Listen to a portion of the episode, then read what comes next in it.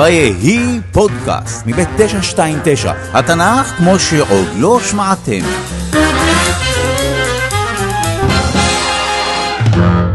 זהו הסיפור על יוסף ואחיו. חלק ראשון, כתונת הפסים.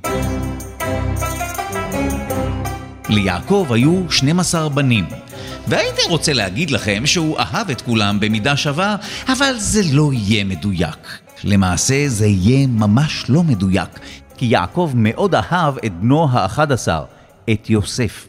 יעקב כל כך אהב את יוסף, שהוא הכין לו כתונת פסים.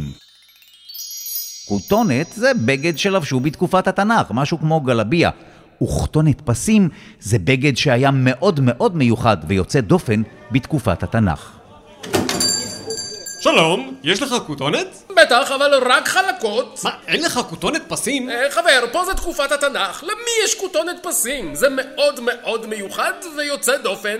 אמרתי לכם, בכל מקרה יוסף היה נער צנוע, וכל עניין היחס המועדף וכותונת הפסים ממש לא עשה עליו רושם מיוחד. היי, hey, תראו אותי! אני כל כך מיוחד, יש לי כותונת פסים! אוקיי, תפסתם אותי. היה כזה צנוע, בעצם האחים שלו חשבו שהוא ממש עף על עצמו, ואולי כל זה היה עובר בשקט אלמלא החלומות. כן, כן, יוסף נהג לספר לאחים שלו מה הוא חלם בלילה. חלמתי שאנחנו אוספים שיבולים לאלומות, ואז כל האלומות שלכם השתחוו לאלומה שלי. מה שאומר בעצם שיום אחד כל האחים של יוסף השתחוו לו. אוקיי, אם אני הייתי אח של יוסף, זה היה די מעצבן אותי. ואתם יודעים מה היה עוד יותר מעצבן אותי? אם למחרת הוא היה מספר לי עוד חלום כזה. והלילה חלמתי שאחד עשר כוכבים וגם השמש וגם הירח משתחווים לי. או-אה, או-אה, או-אה, עכשיו זה באמת עוד יותר מעצבן. המשמעות של החלום השני הייתה שלא רק 11 האחים של יוסף השתחוו לו יום אחד, אלא גם אבא שלו וגם אימא שלו. שני חלומות שהמשמעות שלהם שיום אחד יוסף ישלוט בכל המשפחה. אם אני הייתי אח של יוסף, הייתי בהחלט מתעצבן. אבל אתם יודעים מה עוד יותר מעצבן? שיום אחד התברר שהחלומות של יוסף באמת מנבאים את העתיד. אבל אני מרגיש שאני עושה לכם ספוילר. אז איפה היינו? האחים של יוסף יצאו לראות את הצאן, ויעקב שלח את יוסף לראות מה הם עושים. האחים שראו את יוסף מגיע, דיברו ביניהם. הנה הנודניק הזה, זה עם החלומות! כן, הנה הוא, בואו ננצל את ההזדמנות ונהרוג אותו. תעשו אותו! לא, לא, לא, רגע, מה, מה להרוג אותו? אז קודם כל חשוב לומר שחלק מהסיפורים בתנ"ך הם אכזריים, וכנראה שהאחים של יוסף ממש ממש כעסו עליו. ושנית, מה? להרוג אותו? חברים, אתם האחים שלו. מישהו חייב להתעשת ולמנוע את זה. אולי ראובן, האח הבכור? רגע, חבר'ה. שקט, שקט, ראובן האח הבכור מדבר, תקשיבו לו. תראו, יוסף הוא בכל זאת האח שלנו. אני מציע שלא נהרוג אותו, אלא פשוט נשליך אותו לאיזה בור. בור? אתם יודעים כמה בור זה דבר מלוכלך? אתם יודעים מה זה יעשה לכותונת הפסים שלי? צודק, צודק, תורידו לו את כותונת הפסים! אוקיי, עכשיו אני קצת מתחרט שדיברתי. אז יוסף הופשט מכותונת הפסים, הכותונת שהייתה סמל לאהבה המיוחדת של יעקב, ואז הוא נזרק לבור. והאחים התיישבו לאכול. מה מרחת על הלחם? עוד לחם. יהודה, אל תדבר בפה מלא, תבלע קודם. אנחנו לא יכולים להשאיר אותו למות בבור. אני מציע שפשוט נמכור אותו כעבד למישהו. אבל למי? אני לא יודע, סתם זרקתי רעיון. אמ, בואו נמשיך לאכול. האחים המשיכו לאכול, ובינתיים הגיעו מדיינים, כלומר אנשים מארץ מדיין. הם הוציאו את יוסף מהבור ומכרו אותו כעבד לסוחרים ישמעאלים שעברו שם. מאוחר יותר, כשהאחים סיימו לאכול... טוב, סיימנו לאכול, מה עכשיו? בואו נחזור לבור ונמכור אותו כמו שהצעתי קודם. טוב, אני מקווה שהוא עדיין בבור. בטח שהוא שם. מי ייקח אותו? מדיינים? אה, חבר'ה, הבור ריק.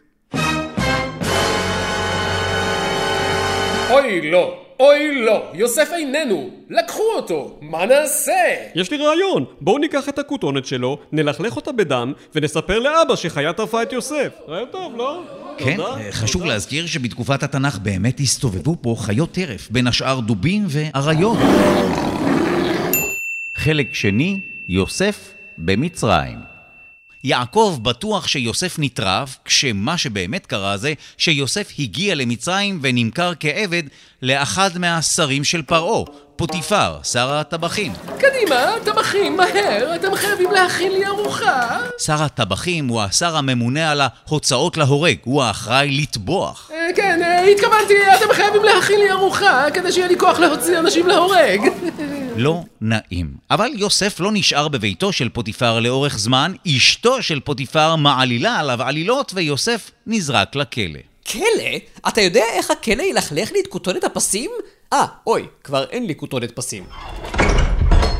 בכלא יוסף פתר חלומות לשניים מהשרים של פרעה, לשר האופים ושר המשקים.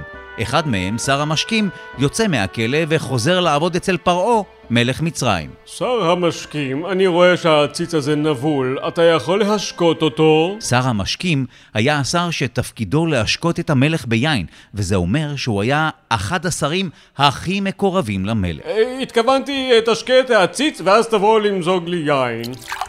אוי, חלמתי חלום נוראי ואני חייב שמישהו יפתור לי אותו. אוקיי. אתה אמור להגיד, הו מלכי, ספר לי על החלום שלך, החלומות שלך מאוד מעניינים. אה, וכן, כמובן, אה, או מלכי, ספר לי על החלום שלך ומה שאתה אמרת. אין פלא שזרקתי אותך לכלא. אז ככה, חלמתי על שבע פרות שמנות שעלו מהיאור. היאור זה הנילוס, הנהר שהוא מקור הפרנסה והחיים במצרים. ואחריהן עלו שבע פרות רזות ואכלו את הפרות השמנות. אה, וואו, חלום נוראי, אני, אני, אני יכול ללכת ל... רגע, לא סיימתי. אה, יש עוד. ובהמשך החלום, חלמתי שעולות שבע שיבולים יפות גדולות כאלה, ואחריהן עלו שבע שיבולים דקות ויבשות, והן בלעו את שבע השיבולים הבריאות. נו, אז מה אתה אומר? תראה, אני לא ממש טוב בלפתור חלומות, אבל אה, היה איתי בכלא איזה בחור, אה, איך קראו לו? יוסף. הוא היה מארץ כנען, הוא, איך קראו לו? יוסף! משהו עם רייש. איזה רש, מה רש? יוסף! יוסף! בול. וכך יצא יוסף מבית הסוהר והובא לפני פרעה.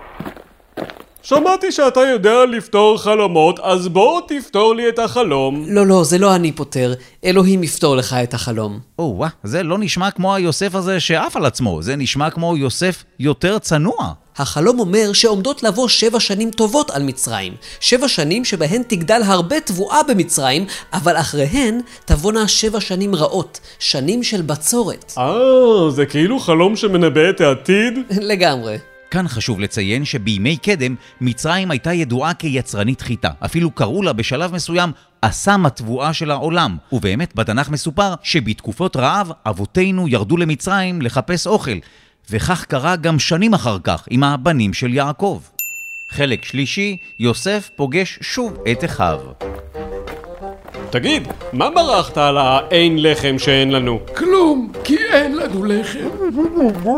יהודה, אל תדבר בפה מלא, תבלע קודם. איזה פה מלא, הפה שלי ריק לגמרי. אבל אל תדאגו, אבא אמר לנו שכאן במצרים נוכל להשיג לחם. כן, גאונים המצרים, הם אגרו הרבה תבואה במשך שבע שנים, ועכשיו, כשהרעב היכה בכל האזור, אצלנו בכנען אין מזון, אבל במצרים יש לחם. כן, והכל בזכות מישהו שניבא לפני שנים את הרעב. יוסף כמובן. והיום הוא איש מאוד חשוב במצרים, והוא זה שאיתו אנחנו אמורים להיפגש.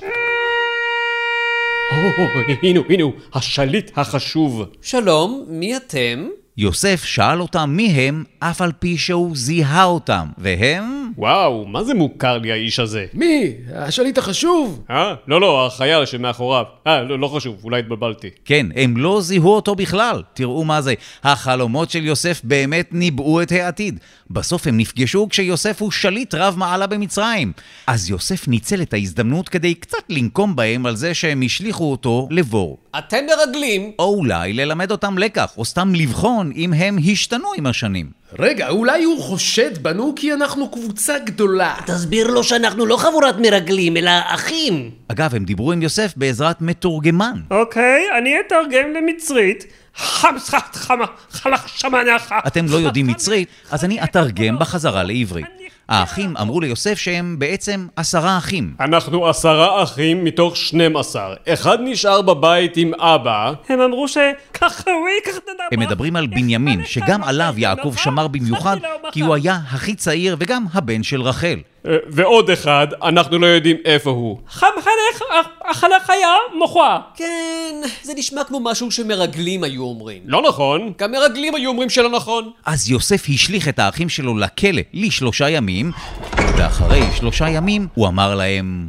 אוקיי, כדי לוודא שאתם לא משקרים, אחד מכם יישאר כאן בכלא במצרים, והשאר יחזרו הביתה ויביאו לכאן את האח הקטן. הוא אמר במצרית שכדי לוודא שאתם לא משקרים... כן, אני מזכיר שהיה מתורגמן בחדר, וזה חשוב לציין כי... וואי וואי וואי, אתם מבינים מה קורה פה? זה עונש! כן, עשינו דבר נוראי והשלכנו את יוסף לבור! אבל מה בנימין אשם? הוא לא היה שם. מגיע לנו עונש, אמרתי לכם לא לפגוע בו! הם דיברו ביניהם ולא ידעו שיוסף שומע ומבין. הוא הבין שהאחים שלו השתנו והתרגש. רגע, נכנס לי משהו לעין, אני כבר חוזר. בכל מקרה, הוא העמיד אותם בניסיונות, אבל בסוף גילה להם שהוא אכן יוסף. בסוף הסיפור, יוסף ואחיו השלימו, יוסף גילה שיעקב עדיין בחיים, ויעקב וכל הבנים שלו ירדו למצרים. לא לפני שאלוהים הבטיח ליעקב שיהיה בסדר, ושבמצרים הם יהפכו לעם גדול מאוד. הסוף. זאת אומרת, ההתחלה, כי אחר כך כל העם הגדול הזה אמור לצאת ממצרים. אבל בינתיים בואו נעצור ונשאל כמה שאלות. האחים של יוסף קינאו בו. איזה סיפור נוסף אתם מכירים על קנאה בין אחים? אוי, יש את ה... האם רק האחים היו צריכים להתנהג אחרת בסיפור, או שאולי גם יוסף? אני חושב... ומה לדעתכם התפקיד של חלומות? האם הם באמת מנבאים את העתיד? וואו, דודו, אתה לא מאמין איזה קטע. לפני יומיים חלמתי שאנחנו מקליטים פרק על יוסף ואחיו. אוקיי, אין לנו זמן לסיפור הזה. כן, אמרת אותו דבר גם בחלום שלי. די. גם את זה אמרת בחלום. קריפי.